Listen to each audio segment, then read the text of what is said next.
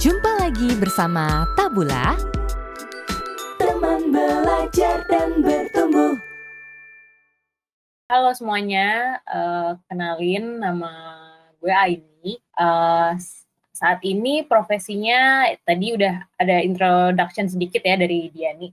Sekarang sebagai social media spesialis di uh, Kompas Gramedia Group.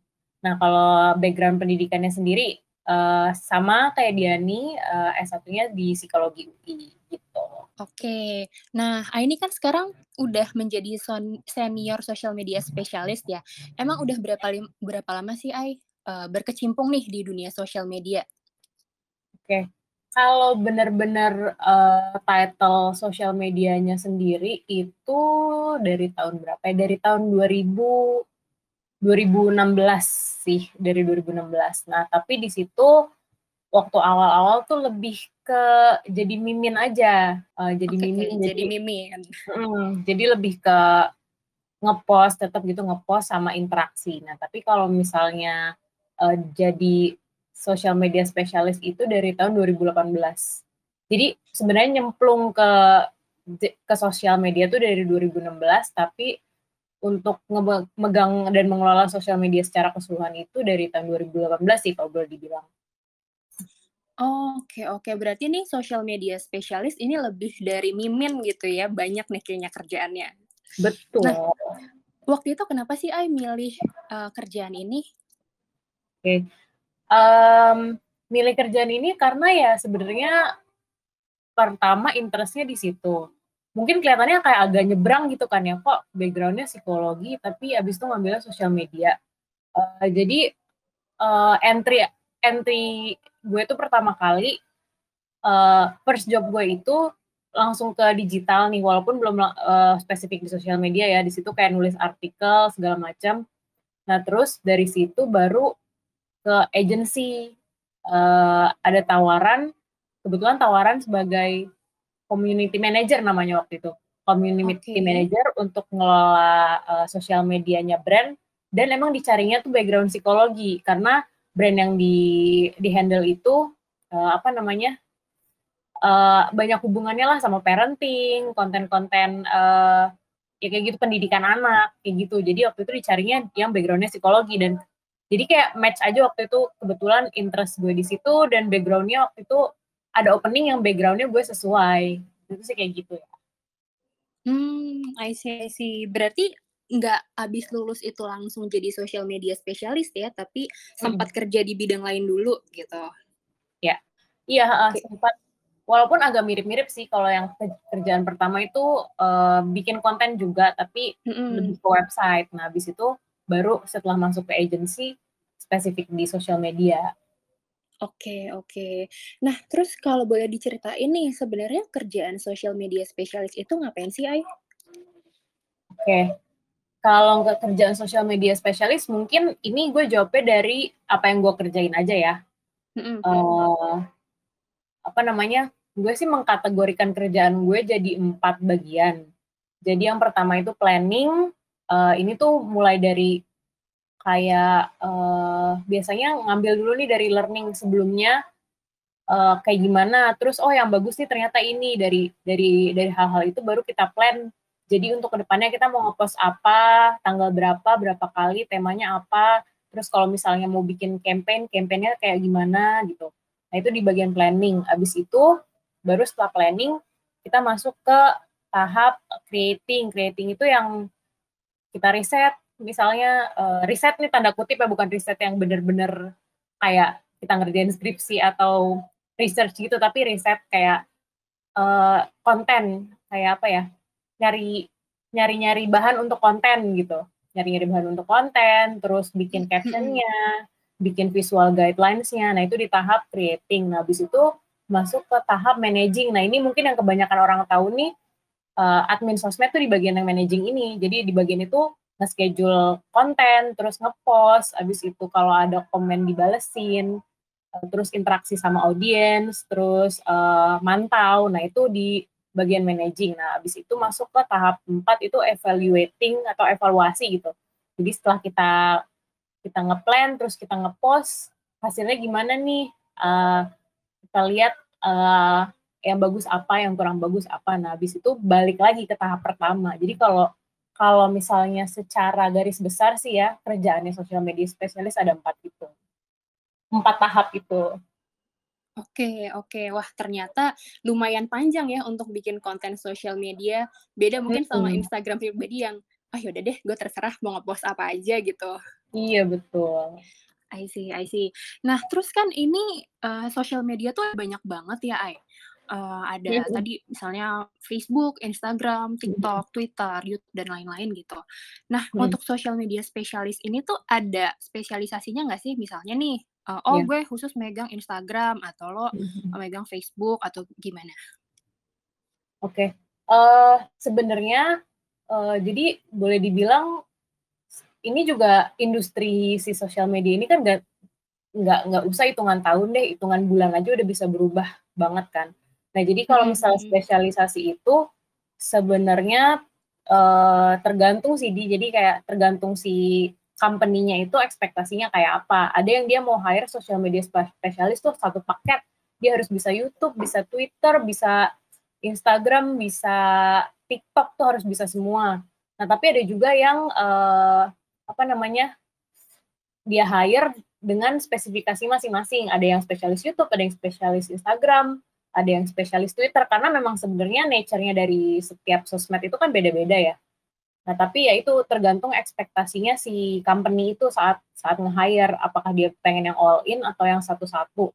Nah, terus uh, setiap company juga beda-beda kan dia nggak nggak ada yang punya semua sosmed, ada juga yang cuma fokus di Instagram, ada yang cuma fokus di Twitter. Nah, itu juga bisa jadi salah satu apa namanya? salah satu penentunya sih lo harus punya spesialisasi di mana gitu. Oke oke. Nah, terus kan tadi di bagian creating ya, uh, bikin kontennya kayak visualnya gimana, terus tulisannya, hmm. captionnya gimana, itu artinya harus bisa desain juga, Ai? Bikin gambar untuk misalnya Instagram gitu? Kalau misalnya, uh, sejauh ini kalau di tempat yang pernah gue apa, tempat kerja gue, itu selalu dipisah sih biasanya desain sama video, itu kan udah beda ya biasanya ada desain grafis, desainer grafis sama videografer yang support kita untuk bikin konten. Cuma biasanya kontennya sih tetap dari anak sosmed. Cuma memang ada nih yang lebih all in lagi nih paketnya. Uh, perusahaan yang nge-hire social media spesialis tuh udah harus bisa uh, apa namanya desain juga gitu. Jadi uh, kalau anak sosial media harus bisa desain atau enggak uh, kalau menurut gue sih seenggaknya tahu ya konsep-konsep dasarnya karena nanti kita juga yang akan nge-guide. Kalau misalnya kita punya tim sendiri untuk create desain kita akan nge-guide juga nih mau konsep desainnya seperti apa. Tapi kalau misalnya harus bisa bener-bener uh, megang Photoshop, megang atau ngedit video segala macam itu tergantung ekspektasi perusahaannya lagi sih. Beda-beda juga requirement-nya. Oke, berarti tiap perusahaannya beda-beda ya? Yang oke dia beda-beda. fokusnya megang sosial media aja, tapi ada yang harus bisa tadi misalnya uh, ngedit gambar, video atau lain-lainnya palu gada ibaratnya gitu. palu gada iya benar. Okay, itu okay. Uh, harus dicek juga sih dari awal kayak requirementnya apa nih gitu. Jadi uh, kita tahu juga harus prepare apa. Gitu. Hmm oke. Nah, terus Ai, bedanya ngejalanin sosial media pribadi sama perusahaan atau brand tuh apa sih? Oke. Uh, ini sosial media pribadi yang asumsinya kita bukan influencer atau apa gitu kan ya dia? Hmm, hmm. Yang benar-benar punya kita kita pegang aja gitu ya? Betul. Uh, kalau, um, menurut gue sih bedanya yang utama itu di, uh, KPI sih apa namanya atau goals uh, dari yang dikasih gitu. Kalau misalnya sosial media kan kita ngepost uh, kat, sesuai kata hati aja, pengen ngepost ya ngepost, enggak ya enggak gitu. Kalau misalnya untuk perusahaan itu biasanya kita dikasih uh, target. Jadi misalnya kita harus uh, ningkatin followers kah atau uh, misalnya kita ngadain kuis uh, harus berapa yang ikutan atau kita minimalnya kita ditargetin jumlah postingnya sebulan berapa kali kayak gitu sih bedanya ada targetnya kalau misalnya uh, kalau di perusahaan ada targetnya kalau yang pribadi nggak ada Dan yang kedua mungkin ini uh, guideline brandingnya. Kalau di perusahaan tuh biasanya ketat kan. Uh, seenggaknya dia hmm. udah punya gaya bahasanya harus gimana, visualnya harus gimana. Nah itu udah ada guideline-nya. Nah kalau pribadi itu ya balik lagi ke tadi itu loh kita ya sesuai mut-mutan kita aja gini hari hari ini mau ngepost galau-galau, besoknya mau ngepost yang edukatif. Nah, itu kan kalau suka kita. Nah, kalau misalnya di perusahaan biasanya udah ada guideline-nya. Ah, I see, I see. Nah, tadi menarik tuh soal gaya bahasa. Mungkin mm-hmm. kita kan tiap orang punya gaya bahasa sendiri gitu ya. Mm-hmm. Sedangkan company atau brand udah punya gaya bahasanya juga. Nah, itu biasanya gimana sih, Ai, cara ngikutin nih uh, gaya bahasa dari suatu company atau brand? Oke, oh ya uh, gue jadi throwback juga nih kayak uh, sekarang tuh karena udah bertahun-tahun megang sosmed kayaknya udah otomatis aja gitu ngikutin gaya bahasa company yang ya tempat gue kerja. Nah, kalau dulu tuh emang berasa sih kayak merasa harus merubah kepribadian gitu. Merasa harus okay. mengubah kepribadian setiap bikin konten kayak uh, gue kan pernah megang brand yang targetnya ibu-ibu pernah, targetnya anak muda pernah, yang kayak uh, receh-receh pernah, yang agak edukatif juga pernah. Nah itu tuh uh, emang gimana ya caranya? Sebenarnya uh, kalau misalnya ada tim branding di tempat kalian kerja itu bakal helpful dengan cara kalian uh, diskusi dulu nih sama tim brandingnya nih gimana kira-kira dan biasanya akan disediain guideline yang guideline yang apa ya guideline yang gampang diikutin gitu. Misalnya harus pakai kata-kata ini uh, apa namanya harus nggak boleh kata-kata spesifik tuh ada gitu yang boleh apa yang nggak boleh apa. Kan jadi lebih gampang diikutinya tapi sebenarnya kalau mau gampang karena uh, bikin konten kan juga harus pakai feeling gitu ya. Maksudnya hmm. ada aspek intuitifnya juga. Nah itu memang gampangnya sih gini. Kalian bayangin persona uh, bayangin kayak kalau brand ini nih yang ngomong orang seperti apa sih? Dan kalian kayak masuk ke karakter si orang itu. Jadi kalau misalnya nih sekarang di tempat gue kerja di Kompas Gramedia uh, itu ininya targetnya kan uh, targetnya itu membaca ya orang yang suka baca buku. Gue sendiri sebenarnya bukan gue suka baca tapi nggak segitu sukanya. Cuma saat gue nulis konten gue akan uh, berusaha masuk ke pikiran orang kayak berusaha menempatkan diri sebagai orang yang suka baca buku gitu loh. Jadi kayak masuk ke karakter-karakter yang udah ada di branding guideline. Dengan menciptakan kayak di pikiran kalian orangnya tuh kayak gimana sih kira-kira yang nulis konten-konten ini? Kayak gitu loh di. Uh, tadi gue ngomongnya agak belibet tapi ini enggak sih di? Paham paham paham, paham ini jadi kayak aktor ya aktor atau aktris gitu. Kita harus masuk hmm. satu peran ceritanya kita jadi orang iya. itu gitu. Kurang lebih kurang lebih. Iya iya iya menarik. Belum lagi kalau kalau sekarang misalnya ada requirement tambahan juga kan uh, TikTok atau pokoknya yang berbasis video gitu kan sekarang harus ada orangnya tuh muncul itu lebih mm. mungkin lebih ini lagi ya lebih harus jadi aktor lagi kali ya. Benar, benar. Apalagi mungkin kalau aslinya orangnya introvert gitu ya, terus di TikTok tiba-tiba suruh tampil gitu, suruh mm -hmm. bikin video yang lucu-lucu atau joget-joget gitu, mesti jadi tanda kutip orang lain gitu ya untuk konten iya, itu. Betul. Oke oke. Ya. Nah terus tadi Aini sempat nyinggung juga, uh, berhubungan sama branding gitu, teman-teman dari brand atau hmm. dari, uh, desain grafis gitu. Nah selain hmm. dua role itu tuh biasanya berhubungan sama siapa lagi sih kalau di satu company? Kalau di sosmed ini jelas tadi oh desain tadi udah ya? Uh, hmm, biasanya ada. biasanya sih sama, uh, pokoknya di divisi marketing sih, uh, apa namanya, sama bagian sales, bagian PR itu juga uh, tektokan banget sama oh ini yang paling justru ini paling erat sih sama bagian customer service. Kalau misalnya Gimana dipisah tuh? ya. Kalau misalnya dipisah, ada juga yang miminnya tuh harus bales-balesin keluhan orang-orang nah tapi kalau di company yang agak besar sih biasanya itu dipisah ada customer service sendiri. Jadi hmm. uh, biasanya kalau um, customer atau audience komplain itu kan pasti lewat sosmed dulu ya karena lebih paling gampang di reach out gitu daripada email atau telepon dan segala macam itu mereka akan di situ. Nah biasanya kalau di tempat gue kerja sih uh, itu tetap masuknya ke customer service. Yang masuknya kayak misalnya keluhan akan produk misalnya barang nggak nyampe-nyampe atau barangnya rusak itu udah nggak nggak di gue lagi scope-nya karena gue cuma ngurus yang berhubungan sama engagement interaksinya nah kalau yang kayak gitu biasanya nanti uh, kita refer ke bagian sos, uh, bagian customer service itu nanti jadi mereka yang handle nah, tapi di situ memang masuknya biasanya dari sosmed dulu gitu Hmm, oke oke. Luas berarti ya nih bisa kerja sama-sama macam-macam orang atau macam-macam departemen gitu? Iya, lumayan. Oh, hmm, sama ini juga di jadi kenal banyak orang dong, Ai? Banyak sih lumayan. Banyak. Uh, sama ini juga sih kadang-kadang ada yang kayak termasuk di tempat gue nih nggak ada bagian khusus untuk ngehandle influencer influencer yang mau diajak kerja sama. Nah, jadi itu masuk juga ke sosmed. Jadi kita uh, ngontak-ngontakin influencer juga, dealing hmm. sama influencer, terus sampai ngurusin sampai mereka dapat payment dan kontennya naik dan segala macam itu juga sih termasuk gitu. Hmm, Lumayan ya. Oke, okay. Berarti mesti lihat-lihat juga ya nih siapa nih influencer yang lagi naik daun atau yang engagementnya oke okay, gitu. Ya, ya itu bakal helpful banget sih kalau uh, kalau kalian di role sosial media dan kalian tahu uh, influencer yang lagi naik itu siapa.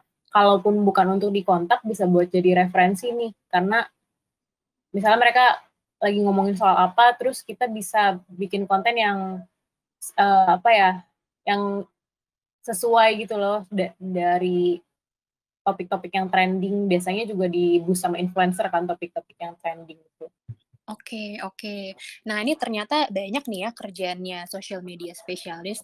Suka ini nggak sih, Ai, ada kayak salah kaprah gitu atau mispersepsi tentang kerjaan social media spesialis?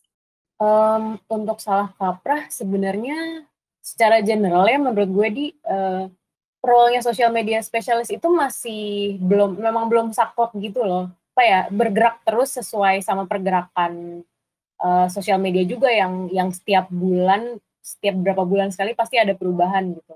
Nah, kalau salah kaprahnya itu antara yang pertama itu terlalu luas, uh, apa menganggap role terlalu luas. Jadi kadang-kadang kalau ini dari sisi company sih biasanya, kadang-kadang ada yang requirement social media specialist itu harus bisa tadi itu desain menurut gue itu sebenarnya udah di luar ininya sih, udah di luar uh, apa skopnya social media specialist gitu.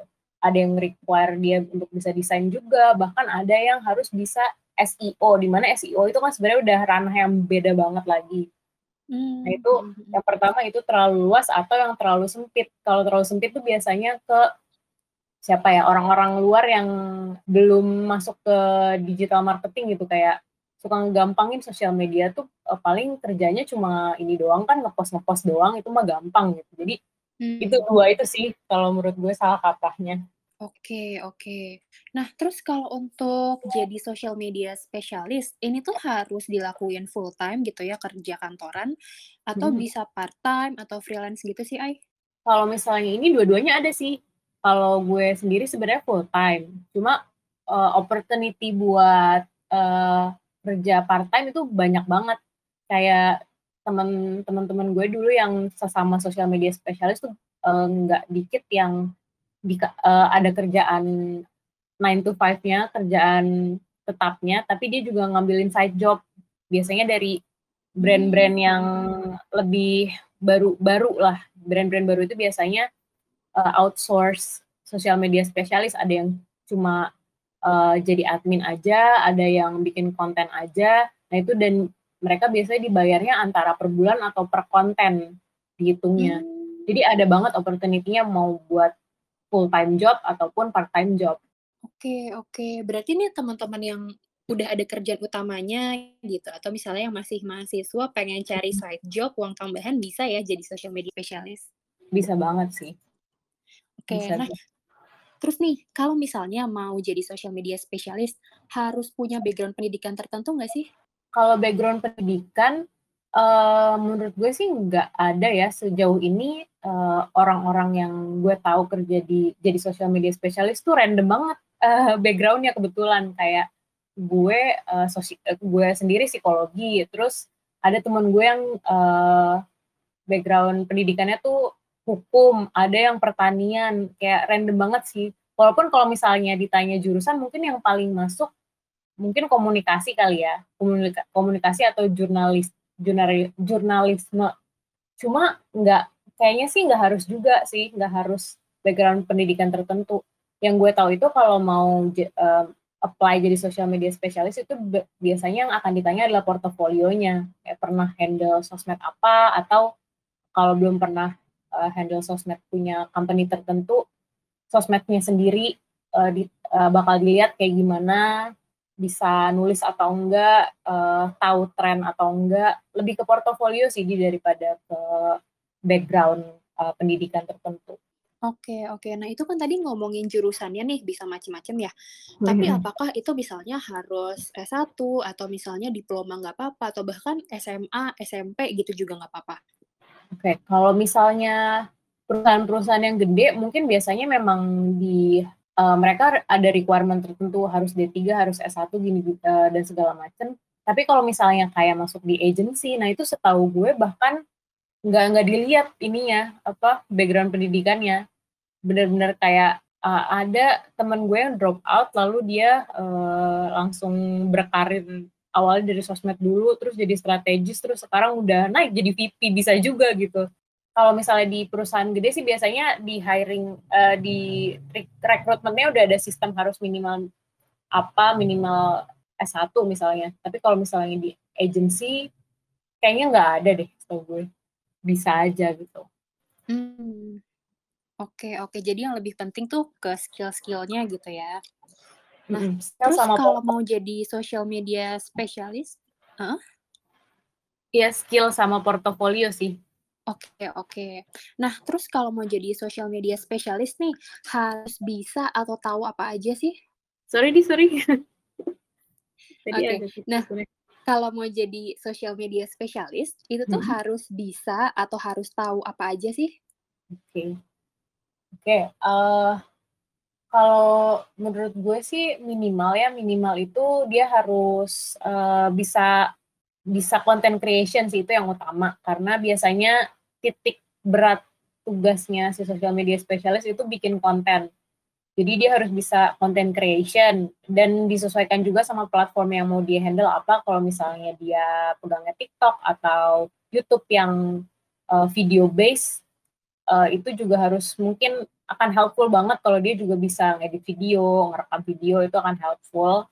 Utamanya sih bisa konsep ya, bikin, uh, ngonsepin konten. Terus sama bikin caption, jadi copywriting itu juga uh, skill yang mendukung banget kalau mau jadi social media spesialis. Nah terus uh, nextnya sebenarnya semuanya bisa support gitu loh. Jadi semakin lo punya banyak skill yang mendukung content creation, kayak tadi misalnya bisa edit video atau bisa desain. Desain itu juga helpful walaupun misalnya lo nggak ngerjain desainnya secara langsung, misalnya ada tim lain, kayak tadi gue udah sempat kasih tahu juga, kita tetap harus konsepin visual juga gitu. Nah, itu juga jadi helpful kalau bisa desain. Terus uh, selain itu juga harus bisa komunikasi karena kita akan sering banget interaksi sama orang walaupun gak secara langsung. Uh, terus uh, akan helpful juga kalau ngerti soal digital marketing dan bisa baca data karena itu juga berguna buat nantinya uh, narikin insights uh, dari data yang ada di sosmed terus ke depannya bikin plan apa. Itu sih di lumayan banyak sih sebenarnya cuma tergantung lagi balik ke role role yang dibutuhin di tempat lo tuh apa. Cuma semakin banyak lo bisa akan semakin helpful. Hmm oke okay, oke. Okay. nah dilihat gak sih followernya nih orang berapa gitu apakah misalnya oh harus sampai berapa ribu gitu proofnya tuh kayak uh, oh nih orang berarti bisa ngelola sosial media dengan baik nih karena followersnya udah berapa gitu itu jadi satu requirement gak sih, Ay?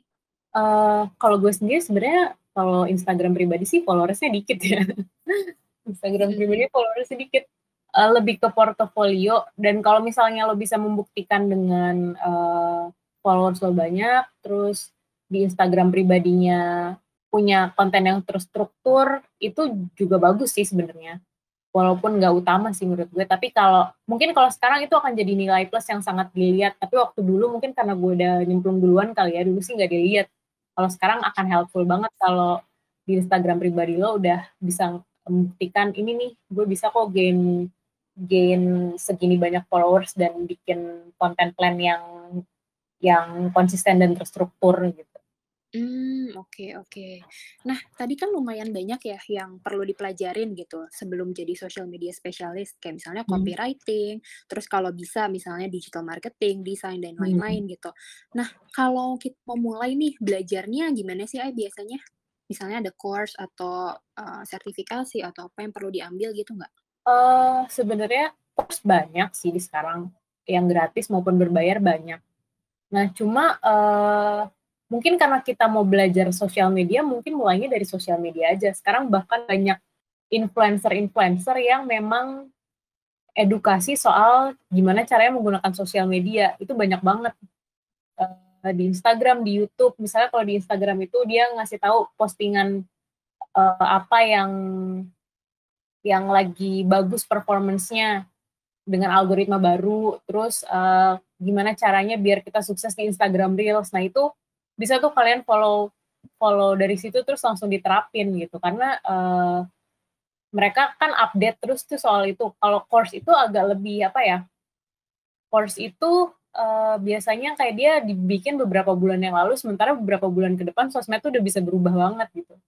Jadi mungkin bisa mulai juga tuh dari mhm. follow-follow influencer yang memang, eee, educate educating kontennya tuh educating soal gimana caranya optimize sosial media gitu.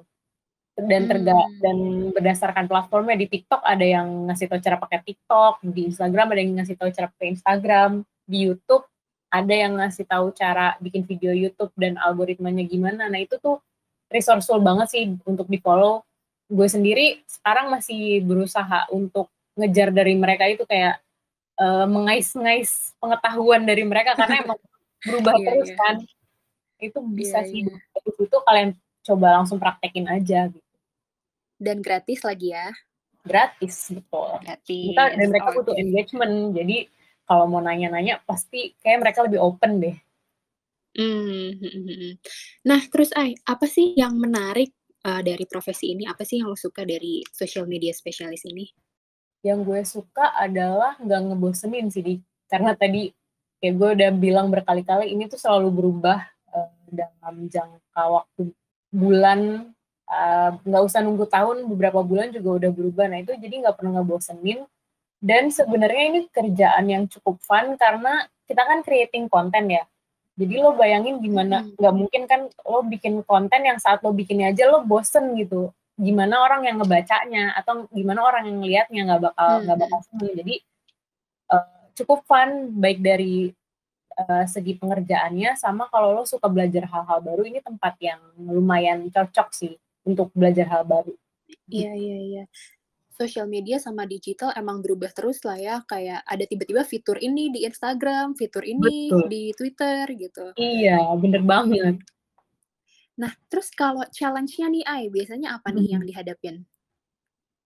Eee, challenge-nya, nah itu sih karena perubahan yang cepet tuh sebenarnya lumayan pedang bermata dua sih. Kalau menurut gue kayak di satu sisi seru buat, eee, terus-terusan kayak di-challenge gitu, tapi kan juga ngos-ngosan juga nih ngejarnya karena mereka cepet banget geraknya. Makanya walaupun gue sih ngerasanya walaupun, eee, title lo social media specialist tuh lo nggak akan pernah ja 100% jadi expert 100% karena saat lo udah nemu nih formulanya, terus udah nemu, "Oh yang bagus nih kayak gini nih, wah udah mulai works nih hal yang gue kerjain." Nah, beberapa bulan kemudian tuh berubah terus kayak mesti ulang dari nol lagi. Jadi kayak menurut gue ini sebenarnya keseruannya sekaligus juga, eee, apa ya, ya itu juga, eee, hambatannya bukan hambatan, apa ya, di challenge terbesarnya di Challenge challenge. iya betul. Jadi challenge dan keseruannya tuh di satu hal yang sama itu karena dia berubah terus, gitu. Mmm, oke oke. Wah, menarik banget nih ya, kayaknya banyak teman-teman yang mulai terpikir, "Apa gue nyambi jadi social media specialist? Kayaknya fun," gitu. Ini gue mulai terpikir juga gitu.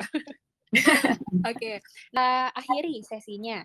Kalau dari Aini ada nggak tips-tips atau pesan-pesan nih untuk teman-teman yang mau mulai, eee, berkarir atau mau mulai sebagai profesi social media specialist?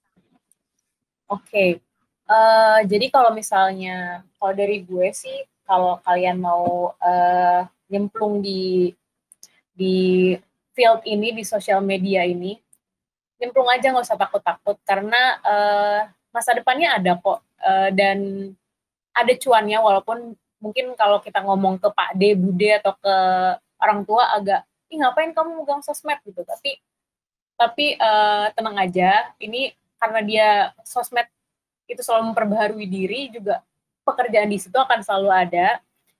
Terus uh, untuk skillnya kalian harus bisa uh, menyimbangkan skill kreatif dan strategis. Jadi kalian harus bisa uh, berpikir kreatif karena yaitu kita tuh bikin konten harus bikin konten yang menarik dan seru. Jadi di situ dibutuhkan kreativitas, tapi di satu sisi uh, di sisi yang lainnya kita juga harus bisa berpikir strategis. Kita harus bisa baca data, terus kita harus uh, bisa menarik uh, insights atau pelajaran pembelajaran-pembelajaran dari angka-angka uh, yang memang sudah disediakan sama sosmed itu. Nah, itu duanya harus dikombin. Terus uh, yang ketiga, keahlian apa pun yang kalian punya itu sebenarnya akan berguna kalau kalian mau nyemplung di sosmed. Misalnya kayak gue sendiri punya background psikologi, itu berguna ternyata uh, untuk tahu gimana misalnya untuk membaca behavior dari si audiens, untuk uh, tahu cara berinteraksi sama mereka. Nah, kalau misalnya kalian punya keahlian random misalnya kalian tahu soal pertanian itu juga akan useful karena siapa tahu kalian bisa bikin konten untuk uh, company yang fokusnya ke berkebun atau ke makanan-makanan makanan-makanan organik itu akan semua apa ya semua skill atau semua knowledge yang kalian punya sebenarnya akan bisa kalian gunakan untuk nyemplung ke si apa namanya ke si bidang sosial media ini karena apa pun yang kalian punya itu bisa dijadiin konten basically gitu sih di I see, I see. Jadi selain bisa bikin konten, bisa jadi portfolio juga mungkin ya. Coba iya, dulu betul. aja gitu, coba dulu. Oke, okay. thank you banget nih Aini untuk ngobrol-ngobrolnya, seru banget. Aku jadi lebih tahu nih social media spesialis ngapain aja gitu kerjanya. Oke, okay. sampai ketemu di Tabula Talks berikutnya. Dadah. Oke, okay, dadah. Makasih semuanya.